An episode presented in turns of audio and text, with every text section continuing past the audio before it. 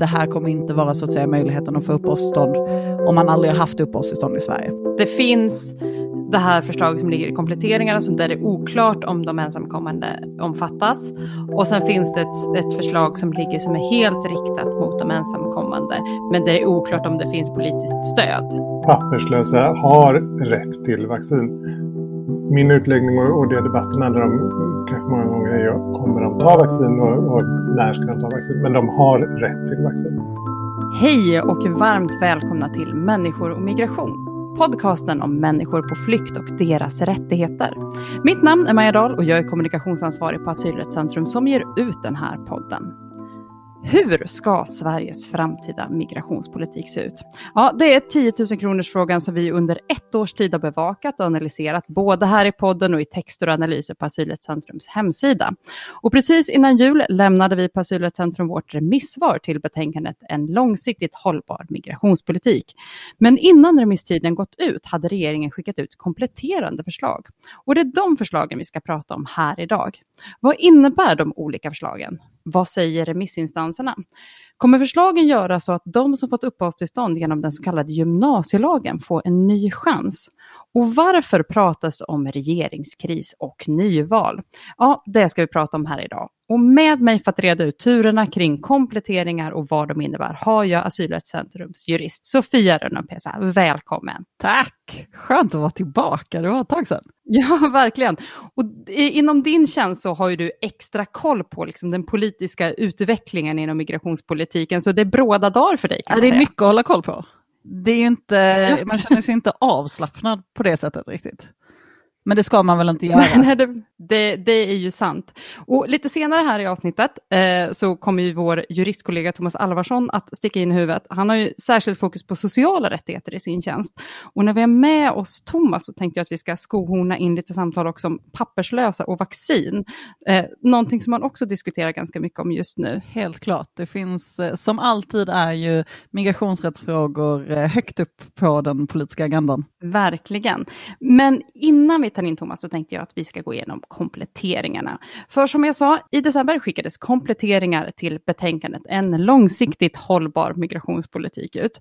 Och som jag förstår det kan man sammanfatta de här kompletteringarna till fyra punkter.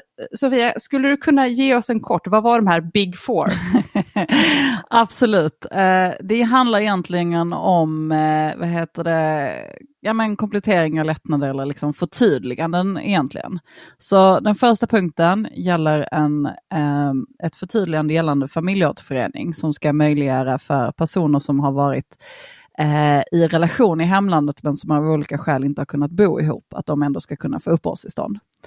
Det andra förslaget är en justerad tidpunkt för beräkningen av den så kallade tremånadersfristen som gäller undantag från försörjningskravet vid anhöriginvandring för kvotflyktingar. Eh, jag kommer ju, vi kommer ju gå in på de här lite närmare så det är liksom inte solklart vad ändringarna liksom är nu så, så kommer vi förtydliga det. Men det är i alla fall det är en ändring gällande kvotflyktingar, en gällande familjeåterförening och sen så är det två olika ändringar som gäller grunden för eh, så kallade humanitära skäl.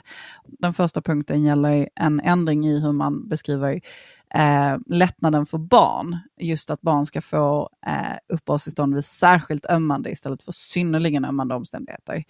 Um, och den sista lite större förändringen är att man lägger till en ny grund för vuxna som har vistats i Sverige med uppehållstillstånd som under den tiden har fått en särskild anknytning till Sverige. Att de ska kunna få uppehållstillstånd på humanitära skäl om det finns särskilt ömmande omständigheter och inte synnerligen som vanligtvis är aktuellt. Um, så att uh, där är det väl såklart Maja, vi behöver inte gå in närmare på vad de här innebär. Ja, Tack. Tack för idag. Tack för idag. Jag tänker vi, vi går in nu lite mer på vad de själva, de här punkterna innebär. Så om vi börjar med den här första, så om man läser det, så står det uppehållstillstånd på grund av anknytning i vissa fall. Mm. Och som jag förstår det som så är det här att, att, att eh, prata om den här farhågan som vi ofta lyft, och att det har funnits eh, kring då personer som då inte har kunnat eh, leva med sin eh, respektive i hemlandet på grund av normbrytande relationer av olika anledningar. Eh, kommer det här då lösa lösa den problematiken så att de här kommer kunna återförenas i Sverige? Alltså det här är ju en, en problematik som har varit ganska otydlig om omfattningen. Så därför är det också ganska svårt att veta exakt vad det är som kommer att lösa problematiken.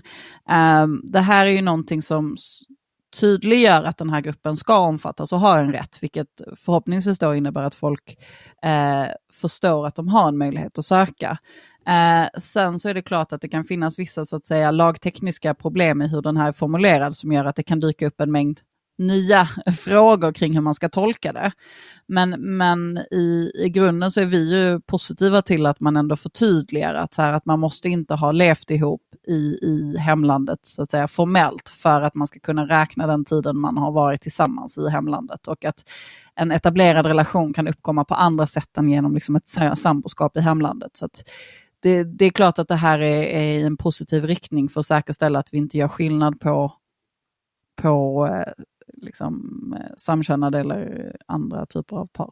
Men det handlar fortfarande om etablerade relationer? Så kan man ja, men säga. Så, så är det ju. Det här ska ju handla om att man fortfarande har varit i en, en, en relation som utgångspunkt. Alltså det finns ju någonting som vi ibland har liksom lyft som, som lite utan att, det är väl ingenting vi gillar, men som kallas för snabba anknytningar. Där det handlar om möjligheten att få återförenas med någon som man har för avsikt att ingå samboskap i. Eller för avsikt att, att gifta sig med. Ehm, det är inte den typen av, av förslag som ligger nu, utan tanken är då att det ska vara människor som i princip har levt som om de vore eh, sambo, bara det att man inte har kunnat bo ihop av, av olika formella skäl så att säga. Toppen, då känns det lite klarare. Jag tänker att, eller ganska mycket klarare, jag tänker att vi går vidare, förhoppningsvis. Jag tänker att vi går vidare till eh, då den andra punkten, yes. som är den om kvotflyktingar eh, och att, att man ska räkna annorlunda kring tre månaders fristen. Varför är det här en viktig punkt att ta med? Jo, men vi, vi har lyft det här också i vårt eh, eh remissvar. Det är ju så att um, om du kommer till Sverige och får en, en, en status som, som flykting eller alternativt skyddsbehövande, alltså vi, man har bedömt att du inte kan återvända till ditt hemland, då har man som utgångspunkt tre månader på sig att söka familjeåterförening. Eh, om man så att säga ska undantas från ett försörjningskrav som läggs på personer. Och för personer som är nyanlända till, till Sverige och bara har varit här en väldigt kort tid så kan ju i många fall så att säga det här försörjningskravet egentligen innebär ett hinder mot att överhuvudtaget återförenas. Eh, problemet är att den här tre månadersfristen räknas från tiden när man har fått sin status. Eh, och för kvotflyktingar så kan det ibland ske när de fortfarande är i sitt hemland. Vilket är, innebär att de inte har möjlighet att söka familjeåterförening då. Um, så att vad som händer då är att ibland så får de en helt annan tidsfrist eftersom de kan ha kommit till Sverige i vissa fall till och med efter att de här tre månaderna har löpt och har då ingen möjlighet att söka inom det här undantaget. Så det här är ju, förslaget är att för kvotflyktingar så ska den här tre månadersfristen räknas från inresa till Sverige, alltså när du väl har kommit till Sverige, snarare än från datumet du fick din status, för att på så sätt garantera att de får samma möjlighet som alla andra att så att säga använda sig av det här undantaget. Så det här är egentligen en, en vad ska man säga, likabehandlingsåtgärd där man säkerställer att kvotflyktingar inte hamnar i en sämre sits än, än andra. Um, I vårt remissvar kan jag lägga till att vi, vi ansåg att det finns skäl att ifrågasätta om kvotflyktingar någonsin ska åläggas med ett försörjningskrav med tanke på att det här är en grupp som ändå, det ingår i systemet någonstans att tanken är att de ska etableras i, i Sverige eftersom man då aktivt välkomnar dem till, till Sverige. Men, men det här är ju i alla fall en mindre justering som, som känns väldigt begriplig utifrån ett likabehandlingsperspektiv. Mm. Kan man säga någonting om vad remissinstanserna har sagt om, om det här? Jo, ja. men en, en sak som man har lyft är ju att ett problem med att använda inresa till Sverige som relevant datum är ju att man generellt sett inte inom Migrationsverket registrerar den tidpunkten. Vilket gör att det kan uppgå diskussioner om när man egentligen eh, reste in. Eh, så att det, det här behöver ju också till viss del liksom genomarbetas. Man kan ju eh, säga det att även de här förslagen var ju, vilket folk som har lyssnat och eh, följer debatten är ganska kännetecknande, men det gick ganska snabbt att ta fram de här kompletterande förslagen, vilket ju eh, såklart påverkar hur, eh, hur detaljerade och de är. Men, men det här är ju som sagt en, en remissrunda som förhoppningsvis också hjälper lite till att förtydliga vissa saker i en framtida propp, får man ju gissa. Mm. Med det tänker jag att det är dags att gå vidare till då den tredje punkten. Och den tredje punkten är ju då, eh, som du sa inledningsvis, Sofia, en återgång till bestämmelsen om särskilt ömmande omständigheter för barn. Och det här är en sån förändring som är extremt svår att förstå för oss, nu talar jag både för mig och lyssnare, jag tänker för oss icke-jurister helt enkelt. Eh, 2014 så infördes bestämmelsen om särskilt ömmande omständigheter för barn första gången. Eh, varför införde man det då? Liksom, vad, vad är de här skillnaderna egentligen? Tanken med införandet 2014 var att man såg ett behov av att förtydliga och säkerställa att principen om barnets bästa verkligen efterlevdes i bedömningen kring barn. Så det var ett försök att, eh, att eh, ja, men, trygga barnets bästa i den här typen av processer. Ehm, det kan man säga att just när det kommer till synnerligen och särskilt ömmande omständigheter så är det ju väldigt mycket, vad ska man säga, en, en barnparagraf. Det är framförallt barn som får uppehållstillstånd på den här grunden eller har varit det.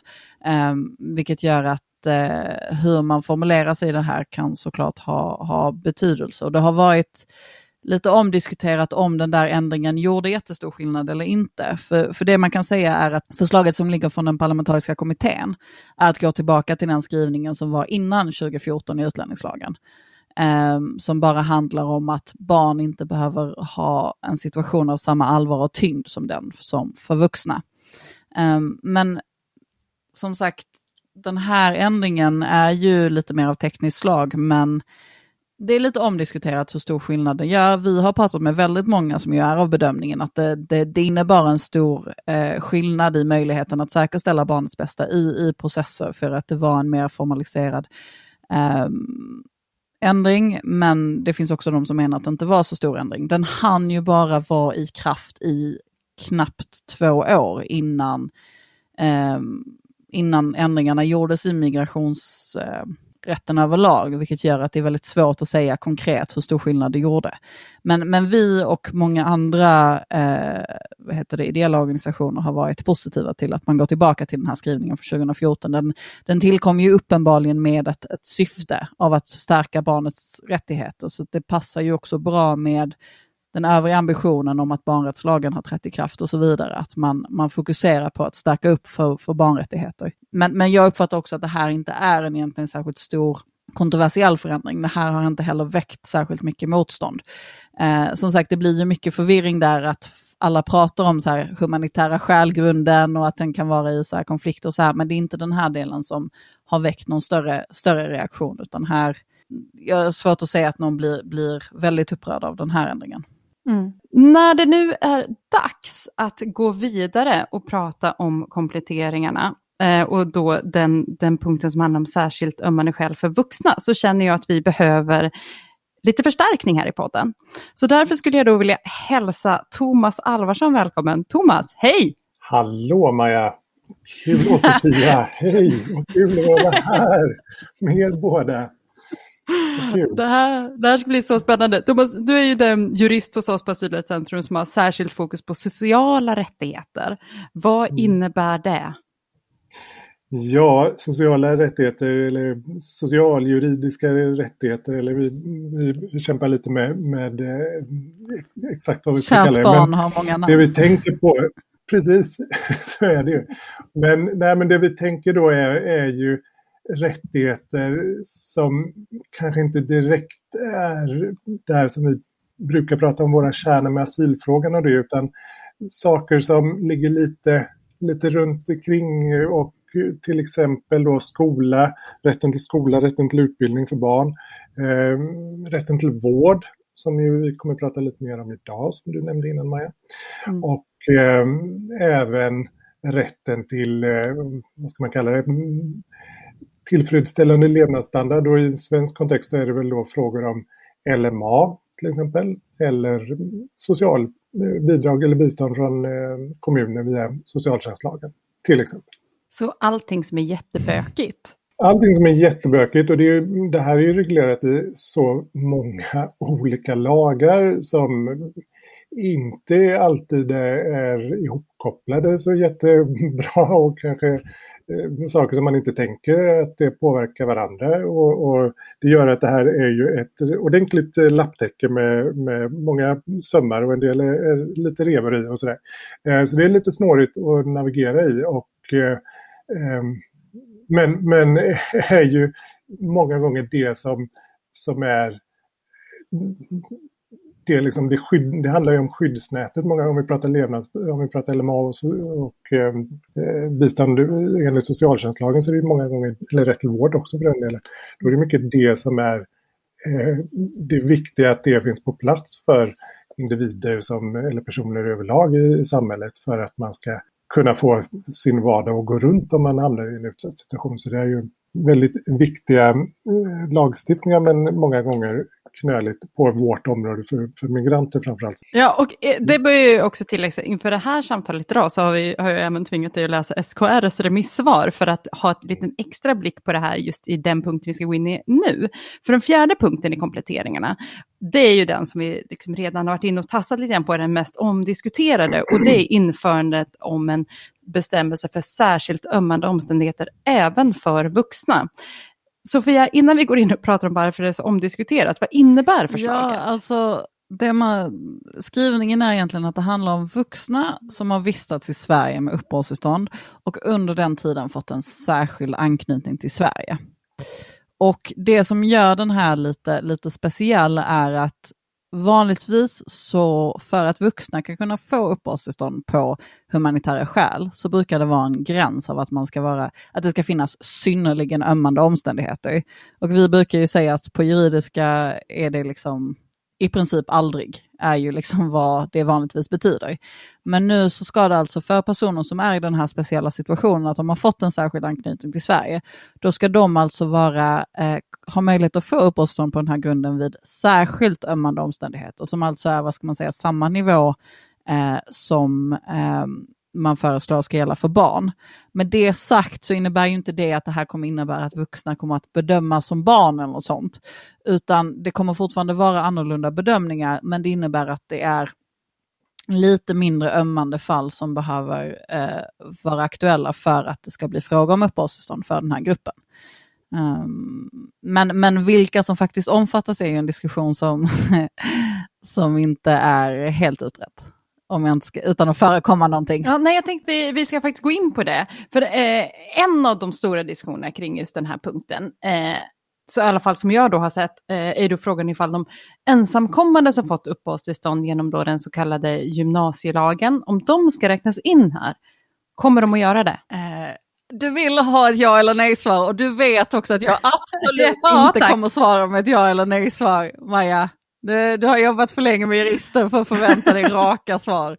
Men, men så här kan man ju säga att det är en, eh, det är en eh, väldigt märklig eh, situation därför att som utgångspunkt kan jag säga att så som den här, den här bestämmelsen är skriven och så som förarbetena är skrivna så nämns inte uttryckligen om man ska lite slarvigt säga gymnasielagsungdomarna.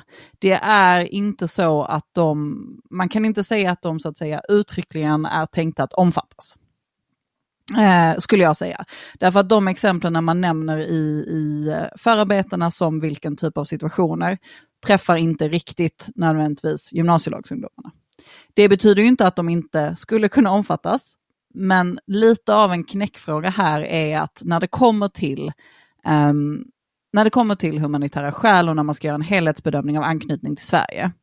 Så även om inte tiden man har varit i Sverige är, eh, jätte, eh, är inte avgörande så krävs det generellt sett väldigt lång tid för att man ska ha byggt upp en anknytning till Sverige. Så som exempel så kan vi ju ta, det kom ju ett avgörande för, var det i, eh, jag vill säga december, Eh, där det var ett barn som var, var fött i Sverige, pratade svenska och var 14 år gammal. Eh, och hon, hon fick uppehållstillstånd eh, i Migrationsöverdomstolen. Men hon hade ju fått avslag både i, hos Migrationsverket och Migrationsdomstolen. Eh, vilket jag tycker ändå är ett bra exempel på eh, hur långa perioder och hur svårt det ändå kan vara att anses ha en, en anknytning till ett land. Um, och att det inte är så enkelt. Det finns ju ett gammalt avgörande från 2014 där det är en, en person som hade vistats i Sverige i drygt fem år, var ekonomiskt självförsörjande genom arbete, um, vad heter det, hade banklån och egen bostad, pratade flytande svenska, hade uppdrag som kontaktperson i olika kommuner, var aktiv i föreningar, hade tagit svenskt körkort. Uh, och den här personen hade ju, bedömdes inte ha en sån anpassning till Sverige. Att uh, det var skäl att ge uppehållstillstånd enligt 5.6.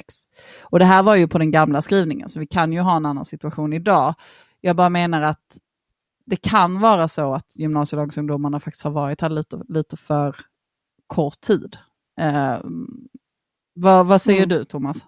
Nej men nu, nu instämmer till fullo i din eh, analys Sofia. Eh, det är väl det som är om, om det här kommer att stå sig, man får väl se vart det landar så småningom med skrivningar och så. Men, men eh, det är väl absolut en, en eh, klok analys du gör där.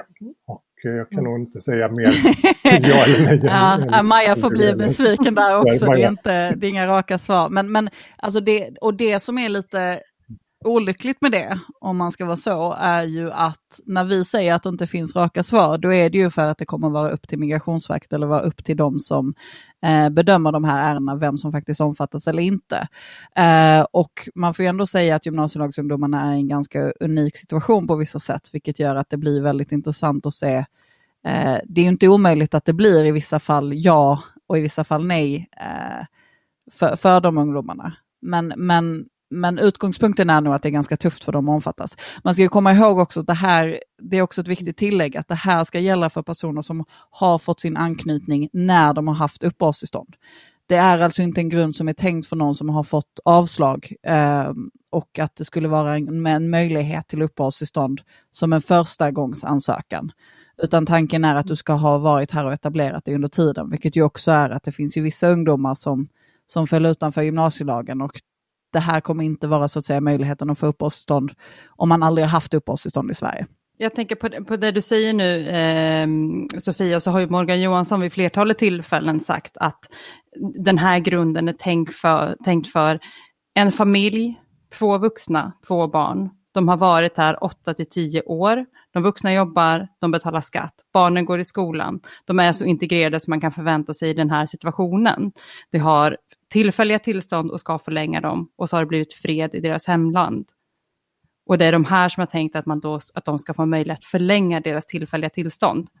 Har ju han sagt både i, i riksdagen och nu senast i Agenda. Ger det en bild av att säga 8 till 10 år? Är det det man pratar om? Ja, men det är väl ett mer no normalt fall, eller som man ska säga. Det, det är ju eh, kanske mm. rimligare att förvänta sig den typen av situation. Jag, jag tror att den, den, situationen han beskriver är ju mer vad förarbetena ger uttryck för att den här bestämmelsen ska innebära. Där skriver man ju upp uttryckligen att det ska vara personer som har vistats länge i Sverige med tidsbegränsade uppehållstillstånd utan då att man har kunnat uppfylla kraven för permanenta uppehållstillstånd men där grunden för att man har det här uppehållstillståndet har upphört. För det är ju det, det, är ju det som är, alltså det blir ju lätt väldigt mycket fokus på gymnasielagsungdomarna, vilket är fullt rimligt med tanke på att det är en grupp som, som är väldigt mycket så att säga i, i, i händerna av lagstiftningen. Men eh, man ska ju komma ihåg att det här ska ju vara en långsiktig produkt som är tänkt att gälla för väldigt många väldigt länge. Och ett av de väldigt, väldigt stora skiftena i eh, svensk rätt i och med det här nya förslaget är ju att vi faktiskt går från permanenta till tillfälliga tillstånd. Och det här kanske inte framstår som en så stor förändring eftersom det egentligen skedde med den tillfälliga lagen. Men den faktiska förändringen från att huvudregeln är putt till tutt eh, sker ju nu. Och det som gör att det är så stor förändring, det är att vi helt plötsligt har framtidsvisionen av att människor kommer att leva länge i Sverige med tillfälliga tillstånd. Migrationsverket till exempel har aldrig på riktigt så att säga behövt förhålla sig till den verkligheten eftersom den tillfälliga lagen alltid har tänkt vara tillfällig. Um, och det här är också någonting som Migrationsverket lyfter väldigt mycket i sina remissvar när de pratar om det här förslaget. De fokuserar inte egentligen på gymnasielagsungdomarna utan de pratar om så här, ja det, det här kommer ju vara eh, gruppen av personer som vistas i Sverige med tillfälliga tillstånd lång tid förväntas ju öka med tanke på att vi numera har tillfälliga tillstånd som huvudregel. Och i det så är det ju aktuellt att förstå var den här liksom bestämmelsen passar in.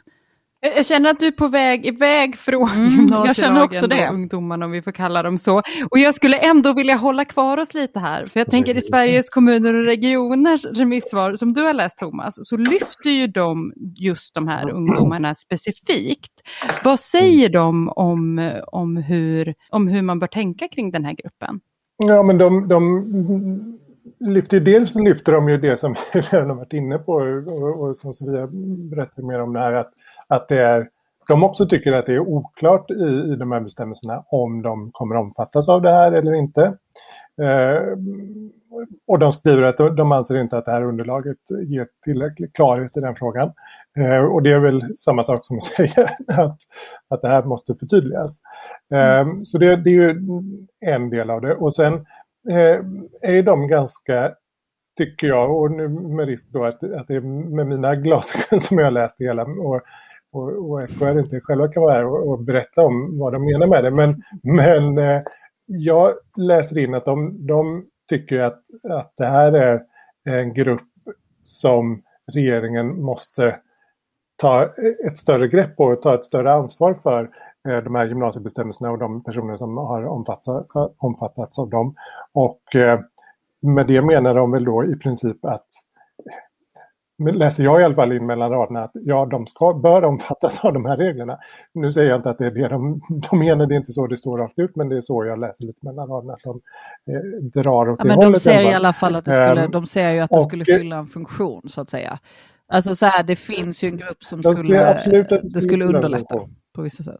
Ja, och, och, och det som jag tycker är intressant när man läser SKRs remissvar eller skrivningar i dokument överhuvudtaget är ju att de lägger ju ett, dels så har de ju individperspektivet och det är väl det som, som vi oftast är vana vid att- ta det här mer medmänskliga, liksom, vad, vad innebär det att man får hopp om en framtid i Sverige och påbörjar en utbildning och sen eh, inte kommer in på arbetsmarknaden och då får man i alla fall hamna i en situation att man måste lämna Sverige. Så det perspektivet har de ju, men de tar ju också eh, sina medlemmar då, kommuner och regioner, men det kommunala perspektivet att det här, och det lite mer samhällsekonomiska och som man ibland kanske kan tycka är lite, blir lite eh, ja, ah, mer pengaprat och så, men, men det, är- det är ju ändå ganska intressant kan man ju tycka för alla inblandade eftersom det är skattepengar och så det handlar om.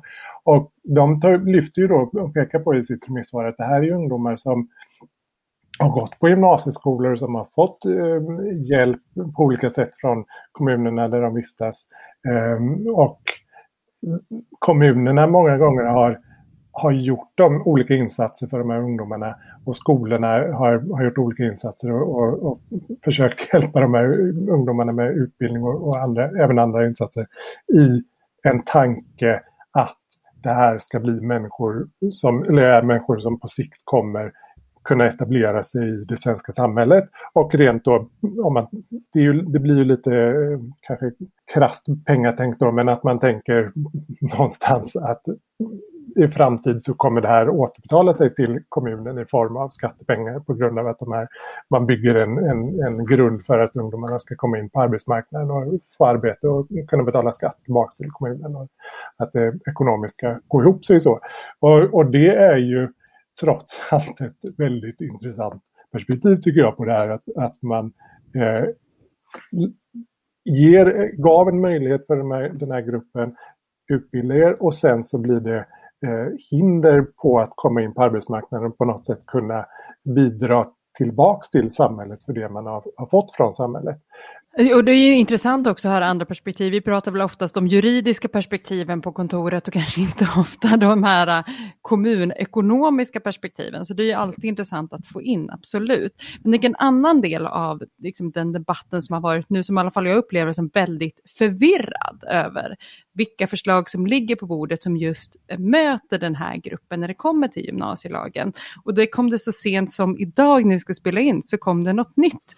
Sofia, kan du hjälpa oss att reda ut vilka förslag ligger på bordet och vad innebär det här just när det kommer till som vi vet innebär någonting för Eh, gymnasiet? Kanske. Eh, I eh, anslutning till ehm, förslagen i i, i hösten liksom, när den parlamentariska kommittén skickades på remiss och sen så visste man att kompletteringar skulle komma. Så någonstans däremellan så kom ett eh, förslag om att göra vissa lättnader i gymnasielagen på grund av eh, på grund av covid. Um, och det här försvann från bordet eh, ganska snabbt in på att förslaget hade dryftats. Um, därför att eh, det var väl egentligen när Centern klargjorde att de inte tänkte rösta ja som det blev, eh, det försvann liksom eftersom det inte fanns stöd. Um, men nu har det alltså dykt upp igen i form av en lagrådsremiss. Um, jag, jag, kan inte säga rakt av om det är exakt så som det ser ut i, i december, men det är ju helt klart liknande um, innehåll. Ja. Det förslag som har skickats ut nu på lagrådsremiss är alltså några lättnader för dem då som, några lättnader i gymnasielagen. Då är det huvudpunkten och den största frågan där som är liksom det som får störst förändring egentligen är att tiden man har på sig från det att man har avslutat gymnasiet till att man ska ha fått ett, ett eller liksom tills att man ska ha etablerat sig på arbetsmarknaden, rent krasst och ha fått ett långsiktigt jobb, det ska vad heter det, förlängas från 6 till 12 månader. Så tidigare var det 6 månader man hade på sig och förslaget är nu att det ska vara 12 månader. Sen är det ett förslag då om att studiemedel för halvtidsstudier ska kunna beaktas där man bedömer om försörjningskravet för permanent uppehållstillstånd är uppfyllt. Det här är alltså den typen av bedömning man gör när man ska bedöma om någon eh, får uppehållstillstånd eller inte när de har, eh, när, efter att de har avslutat gymnasiestudier. Och, därför lägger man, och man lägger också till att en viss form av subventionerad anställning, en så kallad yrkesintroduktionsanställning, ska kunna ligga till grund för permanent uppehållstillstånd. Så att eh, det kommer också finnas lättnader i vilken typ av anställningar som ska ge möjlighet till uppehållstillstånd.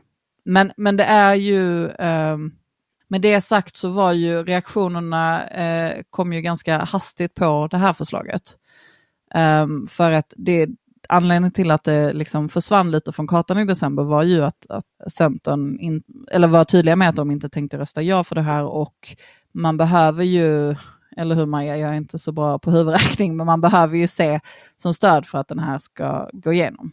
Definitivt. Som jag förstår, nu ska jag inte gå in för mycket på det politiska, liksom, men om jag förstår Cs inställning så är ju deras eh, förhoppning någonstans att den, den, humanitära grunden vi pratade om tidigare, eh, att den eh, ska då omfatta gymnasielagsungdomarna. Så att de har ju en tanke om att det ska, eh, gruppen ska, ska täckas, men, men vill att det, det sker genom den här humanitära grunden. Och lite som, som vi pratade om tidigare då, att eh, ska, ska det ske så, så behövs det ju förenklingar, i, eller förtydliganden i, i förarbetena för att kunna garantera den typen av förändring. Men, men, men så, så om man ska vara väldigt tydlig då, så det finns det här förslaget som ligger i kompletteringarna, som där det är oklart om de ensamkommande omfattas. Och sen finns det ett, ett förslag som ligger som är helt riktat mm. mot de ensamkommande, men det är oklart om det finns politiskt stöd. Precis, vad kunde vara svårt med det? Absolut ingenting. Men, men det här är ju faktiskt, det blir jätte, jätteviktigt, allt, allt det här för att alla, alla rykten och, och reflektioner kring vad som gäller och inte gäller eh, skapar ju förändringar i beteendemönster hos de som väntar sig omfattas. Och det här är ju någonting, just gymnasielagen, där det har varit så mycket snabba ryck och så mycket händelser och så mycket rykten och förvirring och, och, samtal och så vidare så är det ju jätteviktigt att när man pratar om det här att man är jätteförsiktig och jättetydlig med att saker är förslag. Därför att eh, det kan vara lätt att man hör så här, nej men nu har det ändrats till 12 månader och att man därefter ändrar sitt beteende. Liksom. Men det som finns just nu är ju ett, ett förslag. Och det är det vi vet. En annan del av det här förslaget, eh, eller inte en annan del av det här förslaget, men en, an, en annan fråga som är kopplad till förslaget om att införa då den här eh, grunden för vuxna, är ju då punkten om för personer då som har fått uppehållstillstånd när de är barn, men som då inte längre anses vara skyddsbehövande när personen då blir vuxen, det vill säga när den fyller 18 år. Kan de få uppehållstillstånd genom en införande av en bestämmelse av särskilt ömmande omständigheter även för vuxna?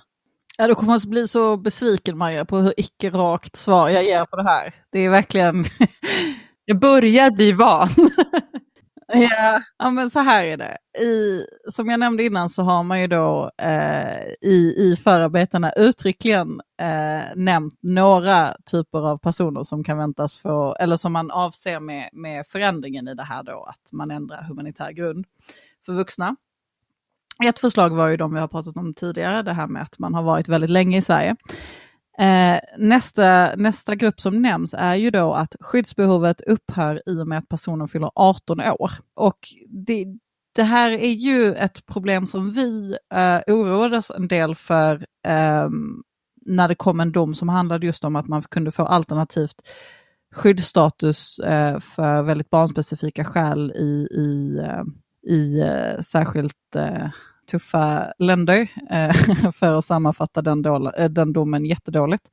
Eh, men, men vad vi ser så har inte det här varit den nivån av problem som vi kanske först befarade, även om vi har sett fall när återkallelse har skett.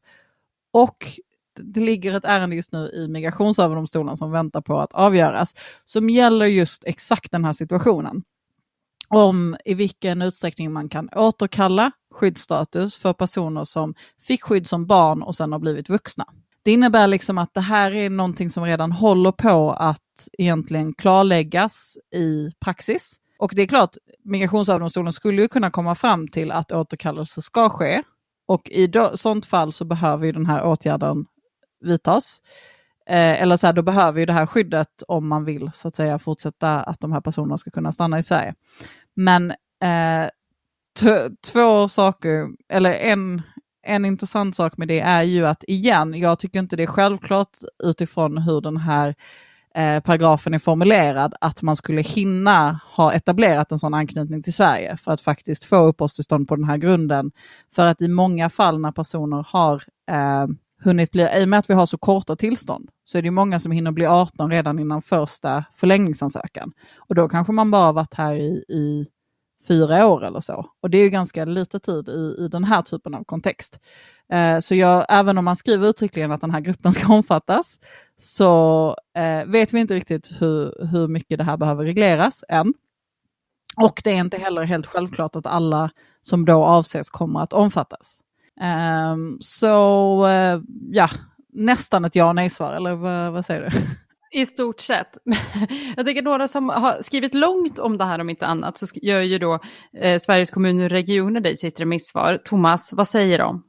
Ja men det, återigen då, även i den delen så lägger de ju på det här mer ekonomiska perspektivet. Och, och, men eh, de menar ju att, eller skriver att eh, den här gruppen eh, Eh, bör kunna ha den möjligheten att, att få stanna i Sverige efter 18-årsdagen och de skriver då att en annan ordning, och nu citerar jag där, en annan ordning riskerar att få orimliga konsekvenser för individerna samt även påverka SKRs medlemmar, då, kommunerna, eh, på ett negativt sätt. Och eh, det, det de tar upp då av mer det som kommunerna skulle drabbas eller det som skulle hända med, med, med ekonomiska aspekter på det hela. Det är ju sam, lite samma sak som jag pratade om innan där att, att eh, kommunerna har ju eh, lagt resurser på, på att hjälpa de här ungdomarna in i en bra skol, skolgång och, och många andra insatser. Och eh, det SKR lyfter i sitt remissvar som en risk om det skulle innebära ett, ett stort problem att få uppehållstillstånd eh, och, och att det skulle brytas då man fyller 18 år. Det är ju att, eh, som de lyfter är att, att många ungdomar skulle välja att hoppa av utbildningen i ett tidigt skede för att försöka ge sig ut på arbetsmarknaden för att det skulle vara en större möjlighet att komma landa ett uppehållstillstånd så småningom. Och eh, det de då menar eh, i förlängningen skulle vara negativt för, del, för SKRs medlemmar och kommunerna Ehm, men även för individerna såklart, alltså det är att en individ som inte då, eller en person som inte har eh, fullföljt gymnasieutbildningen då till exempel, står ju sig generellt kanske lite sämre rustad för den svenska arbetsmarknaden. Och, och det eh, riskerar ju då att på individnivå att de personerna inte kommer ut på arbetsmarknaden inte kommer få ett eh, kanske har problem att få uppehållstillståndet i alla fall. Skulle de komma ut på arbetsmarknaden kanske större risk att de blir utan arbete på, i framtiden och då eh, ser ju SKR att den, den i samhället som, som, eh, som tar hand om de människorna som, som hamnar i, i värsta fall då en, en, situation utan arbete, utan inkomst och utan bostad och så vidare. Då är det ju kommunerna som tar, har det ansvaret med bistånd enligt eh, socialtjänstlagen och, och olika insatser där. Och då landar ju den ekonomiska kostnaden på, på kommunerna. Så det, det är väl någon form av sammanfattning av deras resonemang kring varför SKR tycker att, att det här måste man ta ett Eh, grepp om och eh, öppna upp för, för någon form av möjlighet för, för de här personerna att få uppehållstillstånd. Jag ska lägga till en, en sak de säger i, i förarbetena. Jag hoppar in och förtydligar det bara att när det kommer till det här med vistelsetid, att som vid bedömning så är det ju utgångspunkt så att den perioden man har varit här som barn eh, krävs ju generellt sett då inte lika lång vistelsetid för att bedömas ha en anknytning som under den perioden man är, är vuxen. Och det är också så att man räknar in perioden under tiden man väntade på att få besked om uppehållstillstånd. Vilket gör att det finns ganska många år där som kanske vanligtvis inte räknas in i bedömningen. Det här gör ju också att det kanske täcker lite fler än vad man initialt eh, tänker.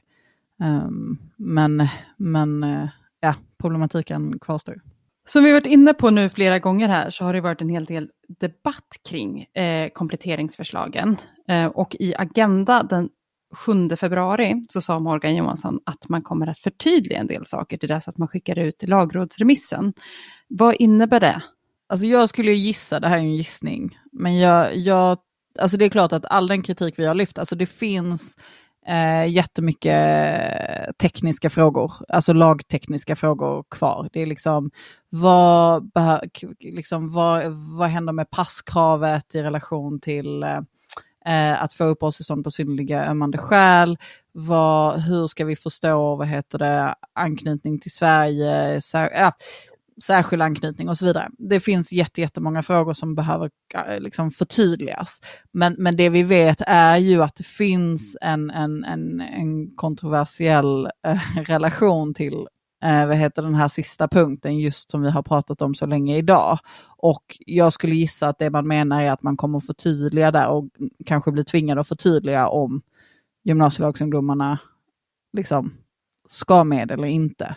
Eh, eller i alla fall underlätta hur man ska göra de bedömningarna. För att som det ser ut nu så kommer, eh, kommer det bli väldigt mycket upp till Migrationsverket och migrationsdomstolarna hur man gör den analysen. Och det är väl en situation som egentligen ingen vill hamna i just när, när så uppenbara avsikter kring hur politiken ska, ska föras landar då på eh, rättstillämparna. Absolut, och det har ju kommit från remissinstanserna så är det ju många som är tydliga med att de här förslagen behöver förtydligas, att man vet vilka som omfattas av det här.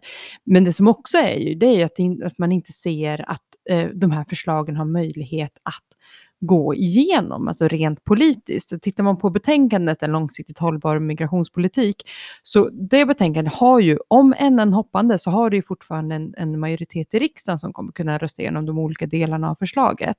Men när det kommer till både kompletteringarna och då eh, det här förslaget som då riktar sig kring eh, gymnasielagsungdomarna, om vi då får kalla dem så, så är det i alla fall som jag kan se det så finns det inte en majoritet i riksdagen som kommer att rösta igenom förslagen i den utformningen de har nu.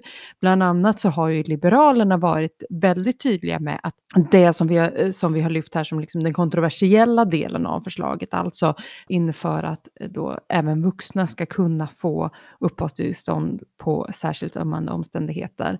Eh, den delen menar ju Liberalerna att den bryter den budgetöverenskommelse som man har i då januari Eh, avtalet, om man säger så, att, att Socialdemokraterna, Miljöpartiet, Centerpartiet och Liberalerna har ett samarbete kring budgeten. Man menar att den här delen borde ha förhandlats innan och att man inte har det så bryter man då avtalet och därmed finns det då inget budgetsamarbete och det försvårar då till exempel när man ska rösta igenom budgeten i höst om Liberalerna inte är med. Och det, det är det här man pratar om att det har triggat eller utlöst kanske en regeringskris. Att det är frågan om att den här frågan kanske till och med kan leda till ett nyval.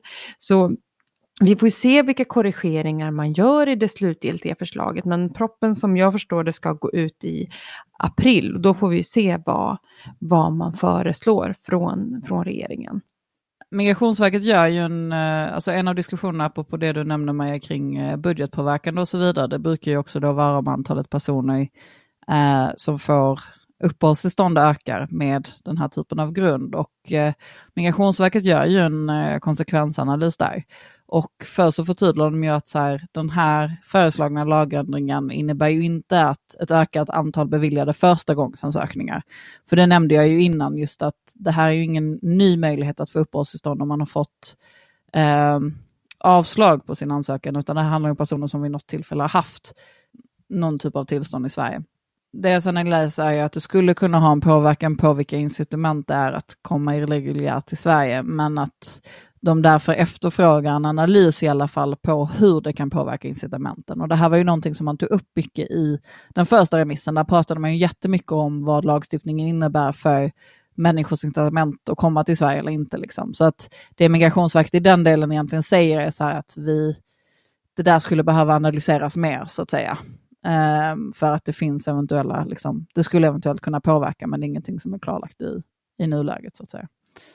Och med det sagt så tänker jag att det är dags att runda av den delen av diskussionen och gå in i den andra eh, heta frågan på vårt område. För eh, förra veckan så presenterade Folkhälsomyndigheten vaccinationsprioriteringarna för covid-vaccinet. Och prioriteringsordningen består av då fyra faser och i fas tre lyftes socialt utsatta grupper som kan då ha svårt att följa Folkhälsomyndighetens åtgärder för att minska smittspridningen som hem och papperslösa. Och just den här skrivningen ledde till en då livlig debatt om att papperslösa då ska prioriteras och ja, någon dag senare då, fredag den 5 eh, februari, så tog man bort papperslösa ur då fas 3 och förtydligade vad man menar och har då sagt att avsikten, avsikten med skrivningarna har aldrig varit att hela gruppen av människor som anges ska prioriteras. Snarare att det i dessa grupper finns individer som såväl löper ökad risk för att smittas såväl som utgör en smittorisk för andra. Och när det uppmärksammas eh, exempelvis i socialtjänsten bör dessa personer erbjudas vaccination. Så Thomas, du är ju vår expert på socialjuridik. Hur tolkar du de här skrivningarna där de säger, kommer papperslösa att få covidvaccinet? Jag tolkar det som att papperslösa kommer få eh. Eh, däremot kan man ju fundera nästan lite oavsett vad, vad, vad Folkhälsomyndigheten säger eh, kring vilken eh, möjlighet, praktisk, faktisk möjlighet papperslösa har att få det här och komma, eh, få informationen om hur man får vaccinet och eh, dels benägenhet att eh, komma och vaccinera sig. Men eh, att de har rätt till det, det, det, skulle jag säga eh, kan det nog inte råda någon, någon större tvekan om. Sen när i alla de här faserna och eh, det vet väl knappt någon, höll jag på att säga, när de här olika faserna ska kicka igång och, och, och så. Och exakt hur det ska gå till. Men, men ehm, ja, det är väl det korta svaret där. Men, men eh, man, man, det finns ju väldigt mycket att säga om, om eh, tillgång till vård för den här gruppen. Um, du säger det finns mycket att säga. Jag vet att du sitter på en extremt stor kunskap kring den här gruppen, vilken tillgång den faktiskt har till vård. Hur ser det ut för dem idag? Den stora grejen som har, har förändringen som har skett på, på senare år för den här gruppen, det är ju att man eh, hamnar utanför LMA-systemet. Och det är ju den här ersättningen som man eh, kan få från staten under tiden som man är asylsökande. Får man ett utvisningsbeslut som, som får laga kraft så hamnar man utanför det eh, skyddsnätet om vi kallar det så. Och eh, blir man kvar i Sverige av en eller annan anledning efter ett sådant utvisningsbeslut eh, och be fortsätter befinna sig i Sverige och skulle vara i behov av eh, mat för dagen eller tak över huvudet eh, helt enkelt för att klara sig. Eller för den delen då, eh, vård. Eh, då är man i det här som jag beskrev innan, det här röriga lapptäcket av olika lagstiftningar som kickar, kickar in på olika sätt. Om vi börjar i den änden med LMA och boende, eh, eller ersättning till eh, mat för dagen och boende. Och om man inte kan vända sig till Migrationsverket och LMA, Eh, då är det kommunerna som eh, man i sådana fall får hän, blir hänvisad till eller som man får vända sig till. Och eh, den praxis som, som finns på det området, var, var går kommunens, gränserna för kommunens ansvar för den här gruppen. Eh, där är det inte helt, eh, det är inte helt solklart var, var gränserna går för kommunerna. Och det är också någonting då för att koppla tillbaka till RSKRs eh, remissvar, både till den här kompletterande och, och den andra betänkandet, så är det ju någonting som de också lyfter och lyfter i olika sammanhang. Att, att det här är ju viktigt att man eh, får klarhet i för kommunerna och personal ute i kommunerna på som är anställda inom eh, socialtjänsten då, till exempel för att kunna veta vad är det de eh, har ansvar att, att, eh, att göra och inte. Rent krasst så kan det ju handla om personer nu har vi, vi hade 15 minus här i Stockholm i morse och det kan ju vara då personer som inte har någonstans att eh, bo för natten och, och vart eh, kommer de få någon hjälp överhuvudtaget från kommunen eller kommunen skyldig att ansvar för det. Och eh, det är klart att kopplar man på den här pandemin som vi är i just nu och då det här med smittorisk eller eh, risk att smittas själv eller risk att smitta andra eh, så är det ju lätt att tänka sig att det här är en grupp som oftare än andra grupper bor trångbott eh, kanske inte eh, har löpande kontakt med eh, myndigheter överhuvudtaget. Kanske inte vänder sig ens till kommunen. Man kanske inte ens vet att man skulle kunna få någon hjälp med någon form av boende eller någon form av, av eh, pengar för dagen från kommunen.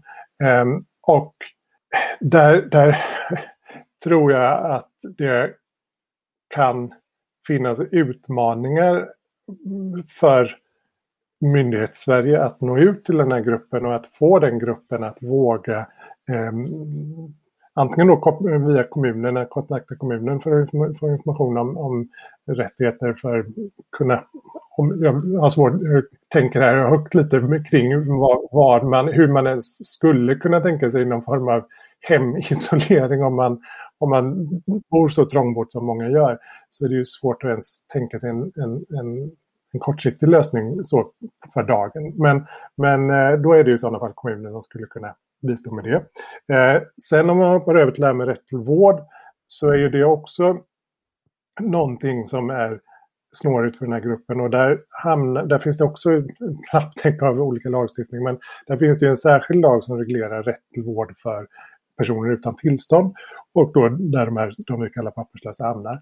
Och eh, det som eh, är den stora kniviga frågan eh, rent vårdmässigt där, det är en skrivning som, som säger att den gruppen har rätt till, och nu pratar vi subventionerad vård, eh, den gruppen har rätt till subventionerad vård som inte kan anstå. Och det är ett begrepp som har diskuterats flitigt sedan den lagen kom och eh, läkarkåren eh, diskuterar ju själva vad, vad det här egentligen betyder och hur man ska, vad man ska göra för bedömningar och sådär. Eh, men det är ju, finns ju ändå lagstöd för att de här papperslösa, den papperslösa gruppen eller de personerna som är där eh, i den situationen har rätt till vård som inte kan anstå. Och man har rätt att få träffa en läkare eller vårdpersonal för att få en bedömning om det är om man är i behov av vård som inte kan anstå. Och då, då, då, skulle man kunna tänka sig att, att covidfall eller, eller covid-smitta skulle kunna fångas upp den vägen också. Men, men det, man, det, det finns rapporter på och, och, när man har kollat på, på den faktiska tillgången till vård för den här gruppen, det är ju att man inte alltid ens kommer dit. Man kommer inte ens in till läkaren i, i, på vårdcentralen när man vänder sig dit.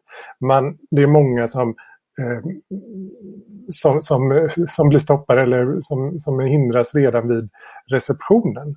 För att det kan vara att man kräver ID. Eh, man ska legitimera sig. Man, eh, lever man här utan, utan uppehållstillstånd eller matkortet har, har man fått lämna tillbaka eller har gått ut. Man har många gånger inte någon annan identitetshandling heller. Och då är det många som, som stöter på problem redan där. Man kommer inte förbi receptionen av den anledningen. Det kan också vara vårdcentraler som bara har en kortterminal som inte har någon kontanthantering. Det här är personer som väldigt sällan har något betalkort utan som lever för kanske från dag till dag och många gånger på kontant. Eh, med kontanta medel. Och, eller att man inte har pengar överhuvudtaget att betala. Och det här ska ju in, varken eh, bristande betalningsförmåga eller att man inte kan identifiera sig eller att man inte har någon ID-handling ska ju inte vara eh, hinder för att få den här läkarbedömningen. Det ska vara bortkopplat, det ska vara separata frågor. Man ska ändå kunna få den här bedömningen av en läkare, få träffa en läkare för att få den bedömningen. Och ytterligare en, ett, vad ska man säga, en, ett raster på det här som man skulle kunna lägga, det är ju att det här är ju då personer utan tillstånd som lever under eh, LIEN situation där man har ett utvisningsbeslut där eh, myndighets, Migrationsverket och eventuellt då polisen är inkopplade och eh, har eh, uppdraget enligt lag att eh, på olika sätt arbeta för att de här personerna ska lämna landet. Så den, den aspekten finns ju i, i, eh, i på, uppe på så att säga hur, hur de här personerna många gånger eh, väljer att agera i olika situationer. Att det finns en generell eh, försiktighet skulle jag ändå säga. Att överhuvudtaget kontakta någon som är en representant för svenska samhället och då även läkar, läkarkåren. Så, och det, det handlar om det här med sekretess och vad, vad riskerar man? Finns det en risk att, att eh, sjukvården skulle rapportera en till polisen till exempel om jag går in på en vårdcentral. Och, så. och det ska ju inte vårdpersonal göra men den, eh, det, är klart att det kan finnas en sån... Eh, ja men av naturliga skäl finns det en viss liksom, försiktighet kring myndigheter i, i gruppen liksom. Eh, och en rädsla i vissa fall. Uppfattning eller en sorts känsla på något sätt. Och, och, och, det här, och det här menar jag sammantaget så tror jag att det i, rent faktiskt kommer vara ett, svårt att nå ut med informationen till den här eh, gruppen för myndighetssverige. Jag tror att mycket kommer bero på, eller vara beroende av hur eh, olika ideella eh, organisationer och ideella insatser eh, engagerar sig i, i vaccinfrågan och går ut med information om, om möjligt och, och, och rätt till vaccin till de här grupperna. Som, och då tänker jag olika ideella organisationer som ändå har kontakt med i olika sammanhang med, med papperslösa. Eh. Mm. Och sen tror jag den andra svårigheten kommer ligga i att de här personerna kommer vara försiktiga eh, av förklarliga skäl att eh, överhuvudtaget gå till och söka eller få den här eh, sprutan. Att, att komma i kontakt med myndighet på det sättet. Men det där är ju så intressant när man tittar på hur diskussionen har varit, som just varit att man har, alltså att kritik har uppkommit från vissa håll kring att så här, ska de ha, ha rätten att gå före i kön och så vidare. Eh, men den diskussionen är ju kanske ganska, alltså, just att det är inte så att om den här gruppen skulle, när den här gruppen blir aktuell så är det inte så att det kommer, det är självklart att det, de kommer så att säga rusa till vårdcentralerna och få det här ordnat, precis som du beskriver. att så här, Det finns ju andra, andra utmaningar i relation till att den här gruppen eh, ska ha möjlighet att, att, att, ta vaccinet som inte bara handlar om vad så att säga de står i, i, i listkön, eller man ska säga. Nej, och, och framförallt tänker jag att, att det för mycket av, av den svenska, svenska strategin kring eh, covid har ju handlat om det eh, individuella ansvaret, att man ska isolera sig, att man själv ska kolla upp, är man smittad ska man hålla sig eh, i karantän och så vidare. Och för den här gruppen är det ju av förklarliga skäl, som jag var inne på, då, väldigt, väldigt svårt att, att faktiskt göra det. Och då är det ju ett, ett bara av den anledningen finns det ju, tänker jag, eh, skäl. Och det är väl det, precis det som Folkhälsomyndigheten säger också, att, att den här smitt, dels risken att smittas själv men också då mer samhällsperspektivet att, att smitta andra. Det här är, det, det är ju en, av den anledningen eh, kan man ju tycka åtminstone att, att det finns skäl att, att på något sätt prioritera de, de som inte har faktiska möjligheter att, att självmant isolera sig. Men det där var, det där var en grej, du, jag tror det var du Maja som tog upp den kring så här saker man kanske inte tänker på eh, kring papperlösa situation som påverkar liksom eh, eh, möjligheten att isolera sig och så vidare när det kommer till, alltså det finns ju många i, i gruppen papperslösa som jobbar.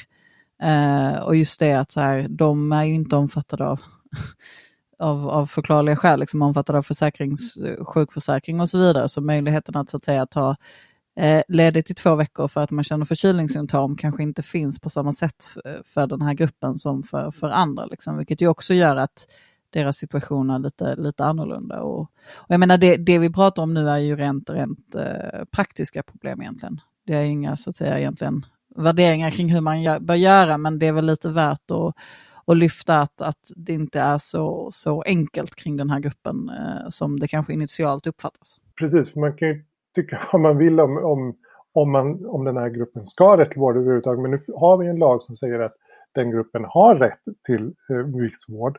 Och, och eh, eh så länge vi har det så, så brott, kommer ju regionerna då, eh, och sjukvården brottas med att göra de här bedömningarna om just den personen som söker vård är i den här gruppen och har den här rätten till vård eller inte. Och det är ju oavsett covid eller inte, utan det är ju liksom löpande hela tiden som, som regionerna brottas med det här. Och sjukvårdspersonalen brottas med de här frågorna. Och eh, upprepade gånger har jag påpekat att det är svårt för dem att, att navigera i det.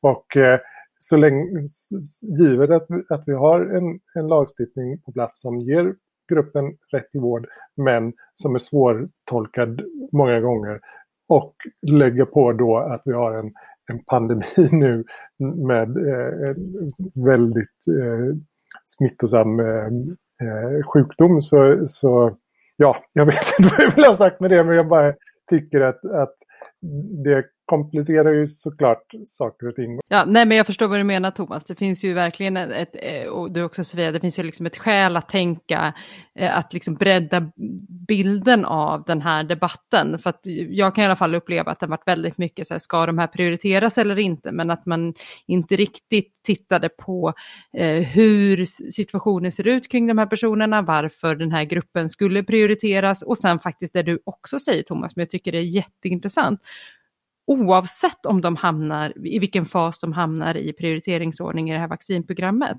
kommer den här gruppen överhuvudtaget att ett, känna till att de har tillgång till vaccin och två, också gå och få vaccinationen. Det är inte helt säkert och det, den bilden bör ju kompliceras lite grann när man ändå pratar om den här gruppen på det här, in, inom det här området. Mm, för, för, för så mycket vågar jag nog sticka ut hakan att, att, och säga att jag tror inte att det här är en grupp eh, som kommer stå och köa dag ett som man får möjligheten. Det, så, så har jag väldigt, väldigt svårt att se att det skulle bli. Men finns det en risk när debatten är som den har varit då de här dagarna efter att Folkhälsomyndigheten gick ut med först att papperslösa skulle vara i då en prioriterad fas. Finns det en risk att det bildas en bild av att papperslösa inte alls kommer ha rätt till det här vaccinet? en uppenbar risk. Och, det är ju väldigt viktigt att, att poängtera, även, även efter min utläggning där, att papperslösa har rätt till vaccin. Min utläggning och, det debatten handlar om kanske många gånger är ju, kommer de ta vaccin och, och när ska de ta vaccin? Men de har rätt till vaccin. Bra, det tyckte jag var ett tydligt och härligt svar. Det är inte alltid man får säga det såklart, så jag är så nöjd. Så med det sagt så är det dags att avrunda och då gör vi det som vi alltid gör. Vi är tillbaka i våra hemmakontor, nu sitter vi och spelar in det här helt digitalt. Eh, så vi har ju då vår varsin kaffebryggare. Vad är det vi pratar om nu när vi möts vid den här digitala kaffeautomaten? Thomas, vill du börja? Mm, ja, nej men alltså det här är ju inte så, det här kanske är lite flummigt. det är inte så hardcore-flum på. Ja. Eh, jag satt och, och häromdagen och, och såg delar av, av den här eh, norska tv-serien Atlantic Crossing om norska kungahuset under andra världskriget. Och eh, som, den delen jag råkade se var när den här kronprinsessan Märta var i Sverige och skulle ta sig tillbaka till Norge och hade problem och, skulle, och sen så småningom hamnade i USA. Spoiler. Eh, spoiler, spoiler alert att hon var i Sverige och vad som sen hände. Vi ska inte säga någonting om, men hon var i Sverige. Eh, under en period. Men, eh, och andra världskriget, spoiler alert. Men eh, det, det som... Alltså jag, jag, jag skojar ju uppenbarligen vill jag förtydliga mig så att ingen tror att jag uppfattar liksom, historiebeskrivningen om andra världskriget som liksom möjliga Jag vill ändå vara tydlig med att det var ett skämt. Men hela serien har väl i och för sig fått mycket kritik för att inte vara helt, eh, helt korrekt historiemässigt och så. Men hur som helst, det som slog mig när jag satt och kollade på detta var att det här var ju då en skildring av hur svårt det var under andra världskriget att eh, röra sig med, över gränser bara inom Norden och någonstans skildrades det ju som att det här, är ju helt, det här var ju helt bisarrt att det såg ut på det sättet att man inte ens kunde ta sig från Stockholm till Oslo och, och sådär.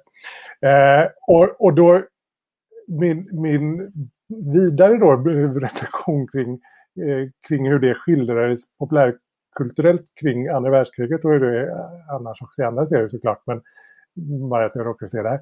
Eh, så funderar jag, kaffeautomat funderar lite kring hur den tid vi lever i nu kommer skildras. Dels hur det kommer påverka oss, hur vi tänker kring eh, migration såklart, eftersom det är det vi jobbar med nu, men, men migration kanske lite vidare eh, termer också, att det här med att överhuvudtaget resa över gränser, resa mellan olika länder.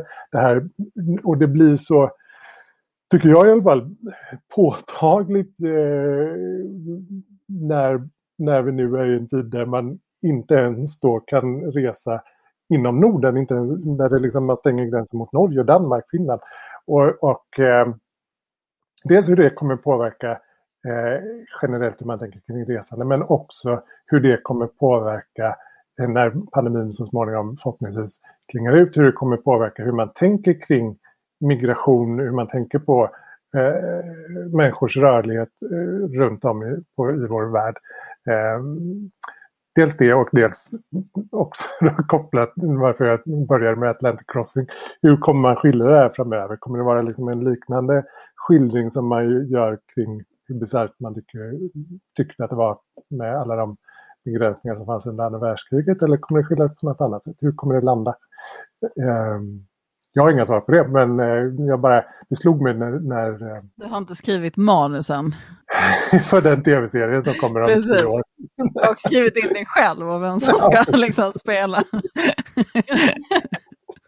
jag röstar för Joel Kinnaman. Alltid han som kommer upp när man pratar olika så här, casting. Men han skulle passa bra. ja, men det, det, är ju intressant att tänka på. Alltså, jag tror att vi har pratat om det förr, både i podden och i våra digitala kaffeautomater. Men hur eh, att man kan, ändå kan hoppas på att en ökad förståelse för eh, rörlighet över gränser och sånt just nu kopplat till att det inte går. Att så här, sven, mm. svenskar är ganska bortskämda med att ha ett av världens bästa pass, det vill säga att vi eh, reser visumfritt in i väldigt många länder till exempel. Och att en sån här sak nu kommer påverka hur vi ser på det. Um, ja, ha familjen men, i andra länder och sådana ja, grejer. Ja, verkligen. Eh, Maja, vad, vad har du tänkt på? Det jag har tänkt på, det är, ju, eh, det är att vi kan liksom, när vi kan se saker och ting som är så domar eh, och hur det påverkar eh, ärenden som vi faktiskt ser på kontoret. Och för inte så länge sedan, utan i höstas så skrev vi om en EU-dom som handlar om hur militärtjänstgöring i Syrien kan vara, eh, alltså att bli tvingad, riskera att bli tvingad till att göra militärtjänst i Syrien kan vara grund för flyktingstatus. kom det en EU-dom kring i höstas som vi skrev om. Eh, och nu, bara för någon vecka sedan, så eh, såg en av våra jurister eh, resultat av den här domen i ett ärende som, eh, som han drev. Att det, hans klient faktiskt har fått flyktingstatus och uppehållstillstånd på den grunden. Det, det tyckte jag var härligt att se. Eh, direkt texten och sen ser vi konsekvensen. Nu tar inte jag på mig vår text ära för att det blev så här, men, men just att, att man kan se så här förändringar i, i bedömningar. Eh, Ja, det är bra jobbat Carl Nilsson. Ja, verkligen. Mm. Sofia, vad, vad, vill du ta upp Jag vet inte om du blir lite sur på mig, för den här kommer börja typ så här, det här är en bra tid för, men jag, jag, jag, tycker ändå det här är viktigt. Det här är början av 2021, det här är ett av våra första um, avsnitt för året och det har varit otroligt många år där um, migrationsrätten har förändrats fram och tillbaka och och eh, känslan har väl varit liksom att ibland det tar aldrig slut, det finns en viss trötthet inom liksom, civilorganisationerna. Men, men jag, jag kan liksom inte nog betona hur viktigt det här året på någonstans är för vilka förändringar som väntas komma. Alltså i, i Sverige så är det ju verkligen nu det är tänkt att den liksom framtida migrationslagstiftningen ska avgöras i år. Egentligen. Och även om det känns, tror jag, för många som att säga, men det här är bara ännu en ändring av så många andra, så är det egentligen det som kommer komma i sommar, det nya tänkta tills vidare förslaget. Det här är inte en ny förlängning av den tillfälliga lagen som många upplever det som kanske. Och jag tror att det är, på samma sätt så händer det otroligt stora förändringar i EU som också är någonting som vi har sagt om och om igen genom åren. Men det känns ju som att det finns betydligt mycket mer etablerade förslag nu på ett sätt som gör att det verkligen verkar som att det kommer komma någonting inom liksom, närtiden. Så att jag vet att jag så ofta säger så här, det här är en bra tid för att bry sig om migrationsrätt. Jag tror att jag sagt det i så här, kanske ja, men 80 avsnitt. Liksom. Men, men så att det är inte det jag säger, eh, bara därför. det, det jag säger är att eh, vi, vi, ska inte, man ska inte missförstå förändringarna nu som um, bara ett i ledet av, av många, utan det här är liksom de tänkta förändringarna, grundförändringarna i hur vår migrationsrätt ser ut. Och det bör man ta med sig både i liksom vilket engagemang man vill lägga i intresset för de här frågorna, men också vad det är som står på spel. De tillfälliga lagarna har ju alltid varit tänkta att vara tillfälliga, även om de inte riktigt har blivit så. Men den här lagen är ju tänkt tills vidare. Mm. Och det man kan lägga till i det, eh, att om det är en bra tid att eh, engagera sig och se över det, så är det också en bra tid att försöka också hänga med på vad det är som händer. Och som vi har pratat om ganska mycket om idag, så har det varit ganska, det är många olika turer, det är mycket att förstå. Och då finns ju Asylrättscentrum eh, för er som lyssnar och för andra också för den delen. Om man inte förstår eller om det finns så går det alltid att gå in och kolla på vår hemsida vilka förslag som ligger på bordet och man kan höra av sig till oss om det är någonting som man undrar över. Så det är man ju varmt välkommen att göra. Vad, eller hur? Vad, bra, vad bra det är att vi finns. Vilken, vilken slump att det, det. det passar in där. ja, verkligen. Så, så med de härliga orden, jag att det är dags att det avslutar. Sofia och Thomas, tusen tack för att ni tog er tid att prata väldigt många olika spridda frågor med mig idag. Mm. Jag känner mig i alla fall... Ja, ja just, du debuterade, kändes det okej? Okay? Jag debuterar ju dessutom. Ja, men nu är jag helt eh, tagen av det här. Nu får jag jag vila, ta mig. Vilken debut, det här gör vi igen. Superkul. Verkligen. Men tusen tack till dig som har lyssnat. Om du har frågor eller kommentarer på dagens avsnitt så kan du göra det antingen genom att gå in på vår Facebook-sida, eh, Människor och migration heter vi där, och skriv i kommentarsfältet där, eller så kan du eh, skriva till oss på Twitter, antingen till org eller kanske till dig Sofia? Eh, ja, det kan man få. RRP Sofia på Twitter. Ah. Och Thomas, du har inte Twitter, eller hur? Nej, jag är utanför den bubblan. Helt. Utanför den. Men om man har frågor eller kommentarer till, till Thomas, om man skriver det till, på Twitter så kan jag i alla fall kanske vidarebefordra frågan och sen vidarebefordra eh, Thomas svar. Ni kan se mig som sambandscentralen. Alltså, förlåt mig, men jag tror det här är det snabbaste du har sagt avslutningen. Alltså, jag, alltså det här var, jag tänker börja tajma dig på hur de här är. Den här var snabb. Jag, jag, jag har upptäckt att folk slutar lyssna när jag säger tack, så att jag tänker att du ska köra den sista delen fort. Men med det sagt. Var snälla mot Maja och lyssna på sista. Eller hur? Tack Sofia och Thomas. Och så hörs vi om några veckor igen. Yes. Ha det! Hej då!